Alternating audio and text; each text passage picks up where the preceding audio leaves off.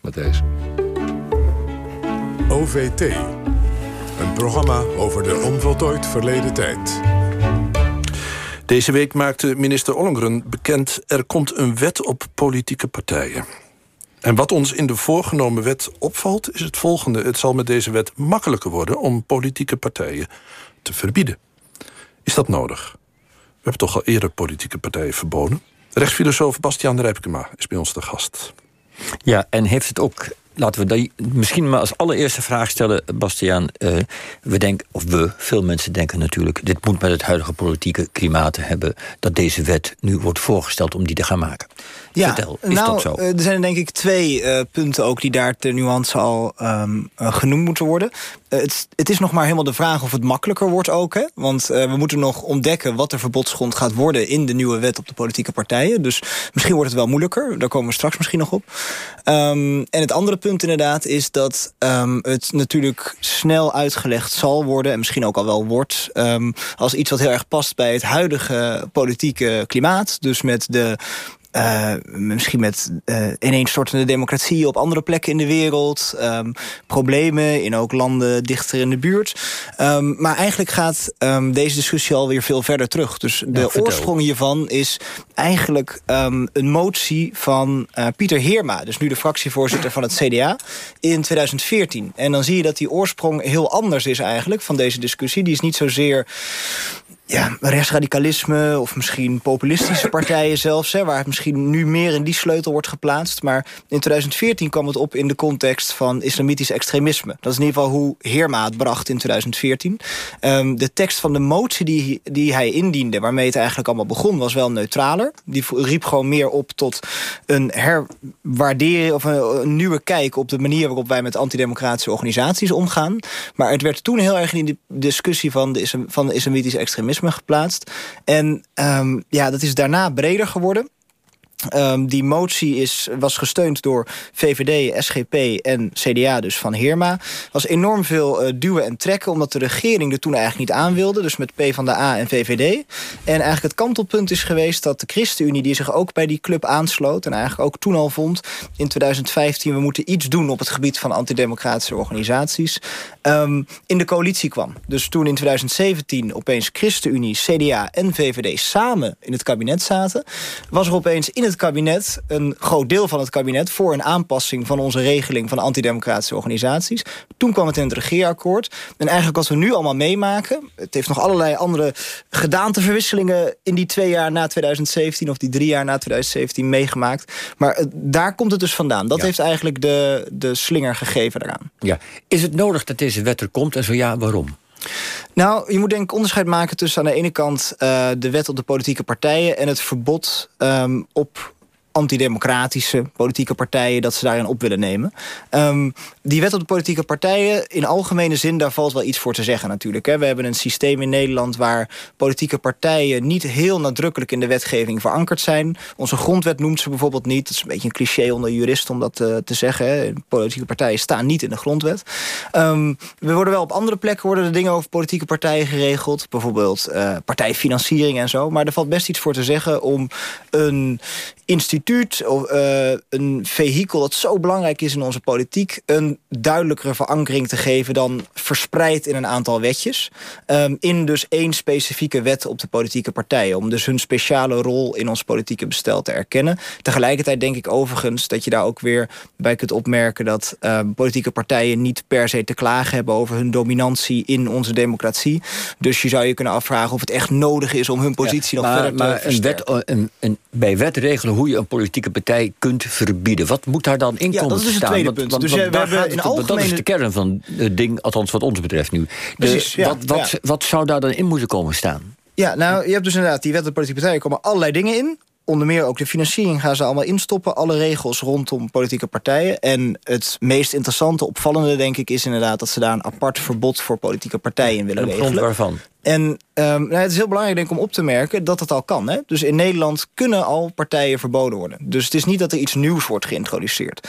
Um, dus we hebben in artikel 20 van boek 2 van het burgerlijk wetboek... hebben we gewoon de mogelijkheid om politieke partijen te verbieden. Alleen, die worden samengenomen met verenigingen. Dus in Nederland is het eigenlijk En op grond waarvan kunnen we dan politieke partijen verbieden? Op grond van openbare orde. Dus we hebben één verbodsgrond in Nederland, openbare orde... voor alles wat een vereniging is. Dus van tennisclub, hockeyclub, motorclub tot politieke partij. En dat doen we al heel lang op deze manier. Sinds 1855 hebben we eigenlijk een, een wet die het mogelijk maakt om verenigingen te verbieden.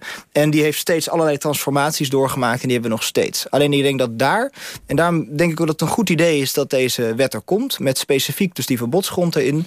Um, ik denk dat... Uh, de, het systeem zoals we dat nu hebben in Nederland miskent dat een politieke partij... als het gaat om het verbieden van, zo, uh, van zoiets... wel echt iets anders is dan een motorclub of een tennisclub. Dus een vereniging. Want we hebben nu als gebruiken we de regel dat als het in strijd is met de openbare orde... kun je een politieke partij verbieden. Ja. En in deze wet wordt dus op een andere basis gesteld... dan een politieke partij te verbieden zou kunnen zijn. Althans in het voorstel.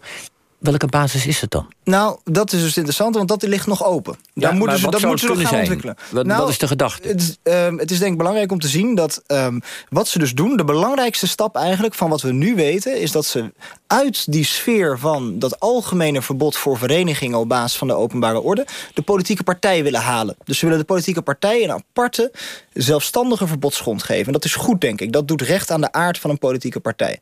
Wat daar dan in moet staan, vervolgens is een tweede. Um, ja, ik heb wel een voorstel daarvoor. Nou, laat eens uh, horen ik wil natuurlijk een beetje bescheiden zijn. en niet meteen zeggen... je moet één op één weerbare democratie... het boek dat ik in 2015 geschreven heb... overnemen in, ja, ja. Uh, in die wet op de politieke partijen. Maar daar doe ik inderdaad een concreet voorstel op dit punt. Ik zeg, je zou politieke partijen dus een hele strakke verbodsschot moeten geven... met echt een ondergrens. Um, namelijk als zij um, aantasten, het beginsel van evaluatie, politieke concurrentie of vrijheid van meningsuiting. Die drie beginselen zijn wat mij betreft een minimumgrens, dus evaluatie, politieke concurrentie en vrijheid van meningsuiting. Dat, ik kan ze ook straks nog uitleggen individueel die beginselen, maar even samengenomen. Ja, die drie beginselen zijn wat mij betreft de kern van wat je moet beschermen in een democratie. En waarom? Omdat als je die drie beginselen overeind houdt... het het mogelijk maakt dat je het meest wezenlijke van de democratie beschermt. Namelijk dat we niet alleen besluiten nemen... maar dat we ook altijd de mogelijkheid hebben om op besluiten terug te komen. Dus zelfcorrectie, dat we besluiten kunnen terugdraaien. Ja. En um, ik denk dus dat dat met opzet een hele minimale grens is. Hè? Dus ik, als je die drie beginselen hebt, dus evaluatie, om de zoveel tijd verkiezingen.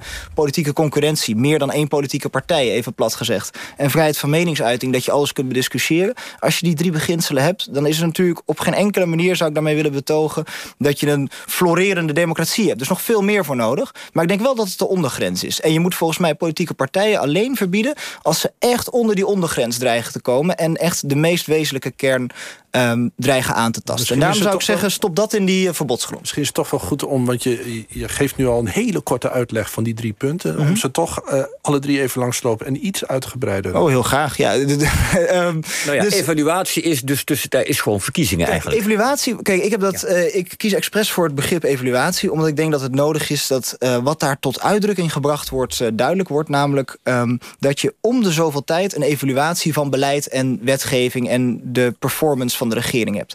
En uh, dat de manier waarop we dat nu doen is verkiezingen. Ik zeg niet dat het alleen maar verkiezingen kan zijn... maar de manier waarop we dat doen is verkiezingen. Um, dan politieke concurrentie. Um, ik noem het al heel kort en snel. Um, dat betekent dat je niet een eenpartijstaat kunt hebben. Dus je moet tegenstanders naast jou dulden... die proberen ja. straks aan de macht te komen... als jij even een steek laat vallen.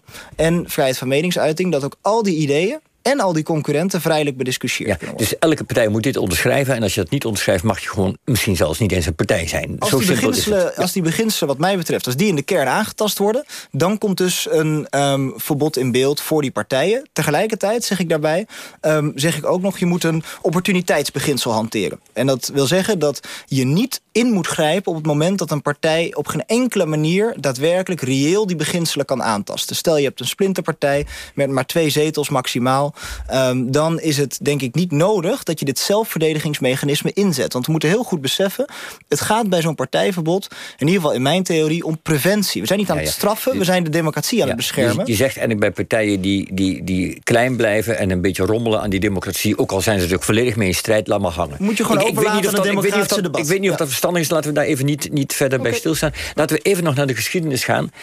Zijn er voorbeelden, want je zegt al net van er zijn ooit partijen verboden in Nederland.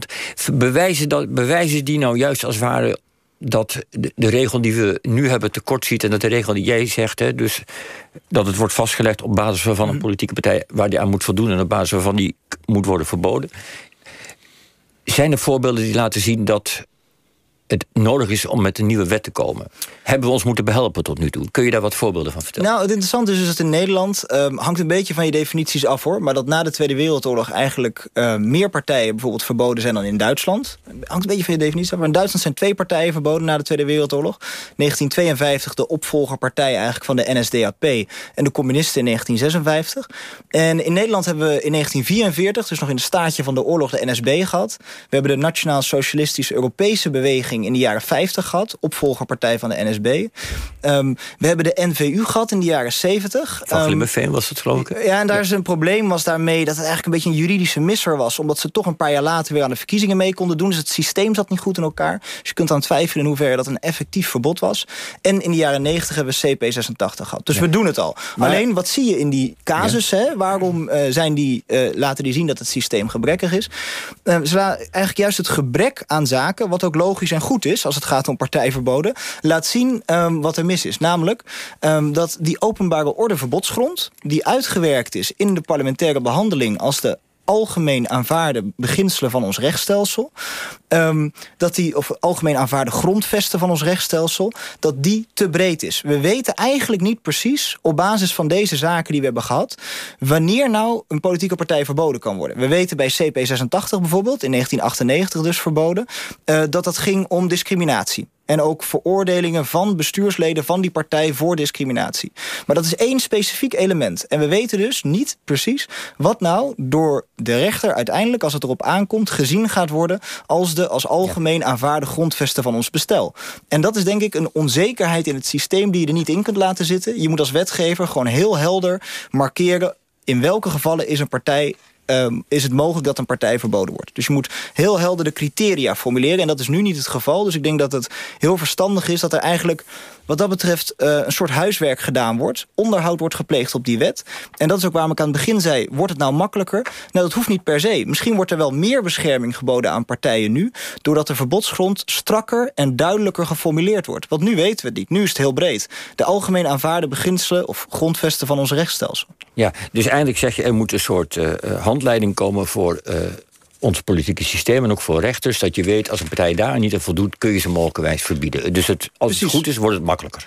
Um, nou, het wordt, de handeling voor de rechter wordt makkelijker... maar het wordt, je kunt waarschijnlijk, als het duidelijker en strakker omlijnd is... niet sneller een partij verbieden. Pascal Rijpkema,